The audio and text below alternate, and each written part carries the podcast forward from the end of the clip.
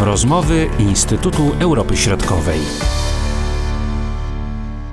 Śmierć przywódców serbskiej cerkwi prawosławnej nie pozostanie bez wpływu na sytuację polityczną zarówno w Serbii, jak i w Czarnogórze.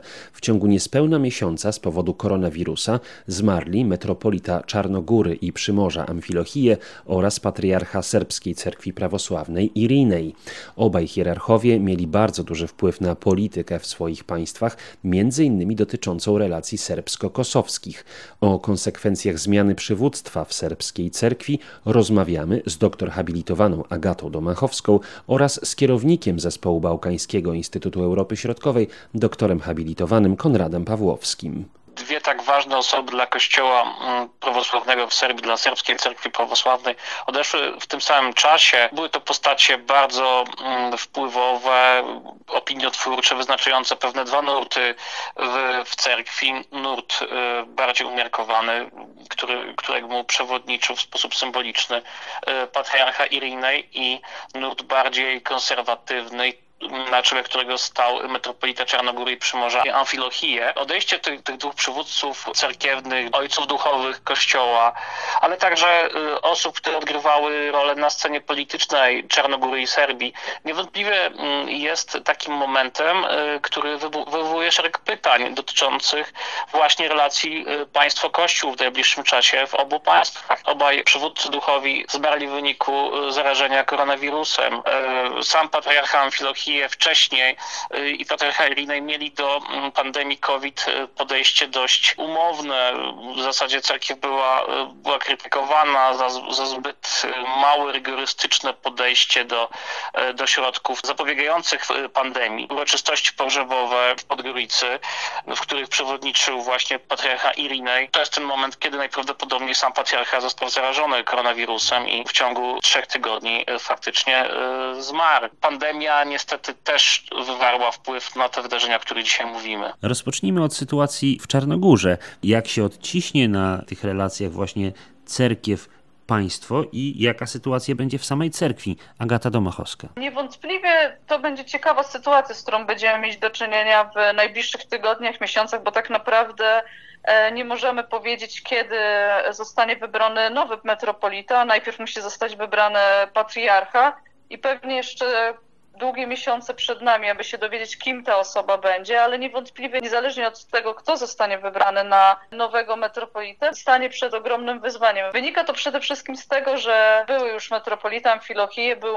naprawdę niezwykle charyzmatyczną postacią, wpływową. Po czasie komunizmu przyczynił się w sposób znaczący do umocnienia mm, pozycji serbskiej cerkwi prawosławnej w Czarnogórze miał istotny wpływ na sytuację społeczno-polityczną w tym państwie. Szczególnie mogliśmy to obserwować przez ostatni rok, kiedy zaangażował się w protest przeciwko kontrowersyjnej ustawie o wolności wyznania i to on zmobilizował masę ludzi, którzy następnie wzięli udział w wyborach parlamentarnych, które odbyły się pod koniec sierpnia tego roku.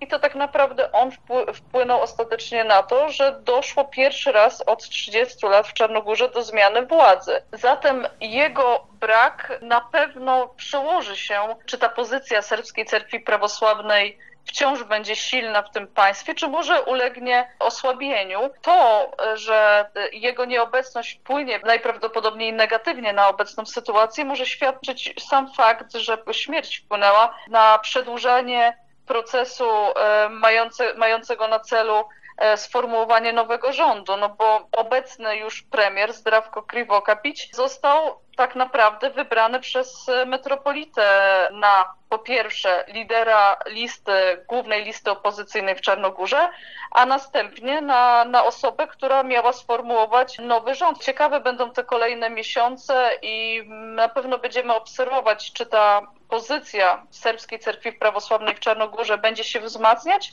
czy może jednak osłabiać. A co zmieni się w życiu serbskiej cerkwi już w samej właśnie Serbii, w Belgradzie i czy w ogóle zmienią się relacje między państwem a cerkwią.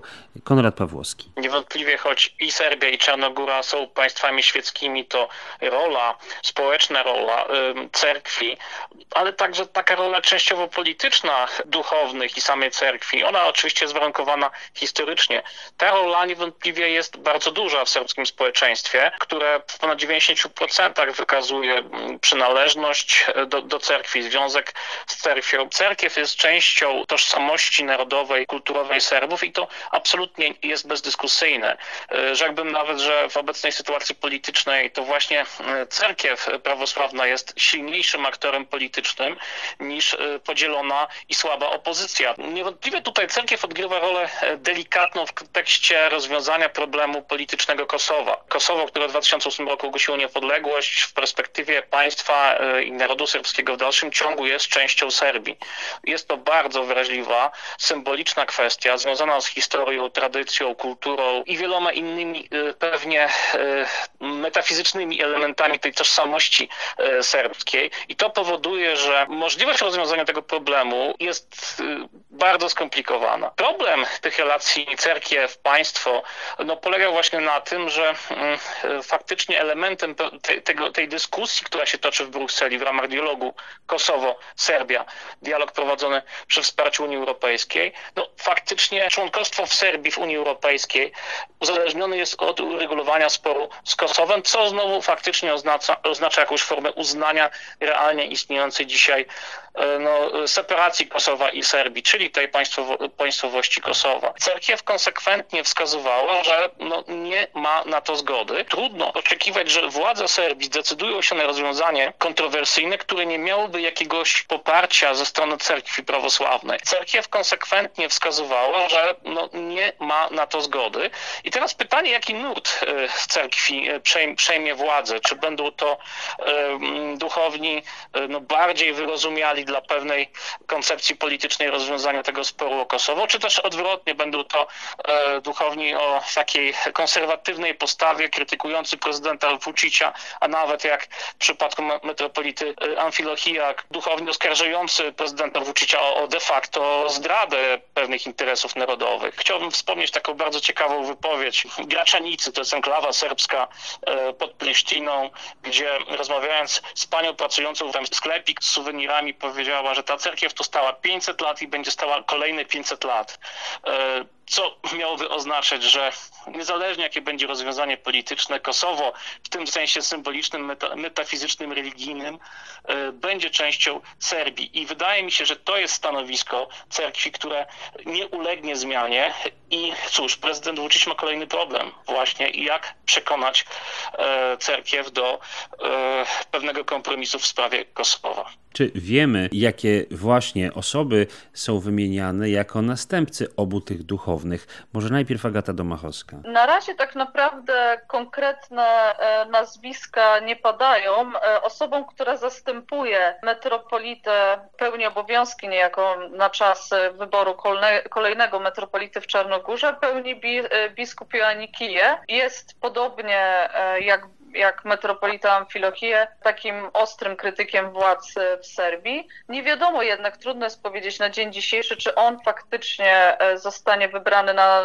na następnego metropolita Czarnogóry i Przymorza. Dowiemy się dopiero tak naprawdę, kiedy zostanie wybrany patriarcha Serbskiej Cerkwi Prawosławnej, co powinno się wydarzyć do maja przyszłego roku, ale ze względów pandemicznych, czy to się stanie, czy nie, zobaczymy w najbliższych miesiącach. Pytanie do Konrada Pawłowskiego. Czy są wymieniani jacyś potencjalni następcy zmarłego patriarchy? Wśród nazwisk, które pojawiają się y, jako nazwisko przyszłego potencjalnego patriarchy, pojawia się nazwisko biskupa Irineja z Baczki, który y, na, na pogrzebie patriarchy Irineja wygłosił pewne nawet polityczne y, słowa, które padły z jego ust, pewne przemówienie, mówił o fałszywej i prawdziwej elicie, które to przemówienie było dość krytycznie ocenione Mm, z jednej strony wskazywało na to, że, że biskup Irinej faktycznie popiera prezydenta Vucicia i Mateusz Walita to miałaby być teoretycznie opozycja, chociaż no to nie padło, nie padło wprost. W prasie serbskiej sugeruje się, że w zasadzie biskup Irinej no, ma dość takie pozytywne e, stanowisko w kwestii, e, w kwestii obecnych władz Serbii, więc to sugerowałoby, i znowu o czym piszą serbskie media, że z uwagi na wrażliwość wielu kwestii politycznych, e, w których wypowiada się właśnie cerkiew, media te piszą, że prezydent Vucic będzie starał się w jakiś sposób zainspirować wybór patriarchy, który byłby przedstawicielem linii umiarkowanej, która nie blokowałby mu aż tak bardzo dialogu z Kosowem. Pamiętajmy, że transparentność procesu decyzyjnego w takich instytucjach jak 800-letnia autokefaliczna cerkiew, cerkiew prawosławna, to jest troszeczkę inny system decyzyjny. Oczywiście wszystko dzieje się w atmosferze pewnego zamknięcia tego procesu decyzyjnego. Y, formalnie cerkiew ma trzy miesiące na to, żeby został wybrany nowy patriarcha przez Sobór Cerkwi. Proces decyzyjny polega na tym, że wybierani są w głosowaniu trzej kandydaci, którzy uzyskają największą liczbę głosów, a potem w ramach religijnej procedury faktycznie zostanie y, w sposób y, z namaszczeniem boskim wybrany, wyciągnięta koperta z nazwiskiem właściwego patriarchy. Niewątpliwie te trzy miesiące, one są formalnie wyznaczone kwestiami prawnymi w ramach cerkwi, ale pamiętajmy, że jest pandemia i zebranie się tego, mm, tego soboru też może być w jakiś sposób ograniczone. To też są jeszcze takie spekulacje z powodów właśnie obostrzeń epidemiologicznych, to też może się przeciągnąć. A jeszcze sam stosunek cerkwi y, serbskiej do cerkwi moskiewskiej, patriarchatu moskiewskiego. Co możemy o tym powiedzieć? Jeszcze raz Konrad Pawłowski. Jest tradycyjny, tak bym powiedział. Y, rzeczywiście y, jakby cerkiew, postawa cerkwi jest formalnie bardzo prorosyjska to trzeba wyraźnie podkreślić. Zmarły patriarcha Irinej wyraźnie podkreślał, że ta mała serbska łódka powinna być przycumowana do tej wielkiej łodzi rosyjskiej. Podkreślał bliskość kulturową, religijną, polityczną, duchową między narodem serbskim i rosyjskim. Wyraźnie mówił o Rosji jako o matce Serbii. Tego typu metafory się pojawiały w jego wypowiedziach. Co prawda w ramach e, kazań, ale jednak no, wyraźnie podkreślał tą e, specyficzną bliskość obu narodów. Natomiast pamiętajmy, że jest to ważne, no ale jednak politykę zagraniczną prowadzą władze świeckie, więc e, nawet to podkreślone przywiązanie do stosunków z Rosją nie ma aż takiego determinującego charakteru na politykę zagraniczną Serbii, jak ma akurat kwestia Kosowa. Mi się też tak wydaje, że ta narracja kulturowa e, prorosyjska, no ona, ona jest historyczna, tradycyjna, ale nie wydaje mi się, żeby akurat ten element, powiedzmy, tej tradycji e, serbskiej cerkwi prawosławnej miał aż takie duże znaczenie dla polityki zagranicznej samej Serbii. Mówił doktor habilitowany Konrad Pawłowski i doktor habilitowana Agata Domachowska. Marcin Superczyński, do usłyszenia. Były to rozmowy Instytutu Europy Środkowej.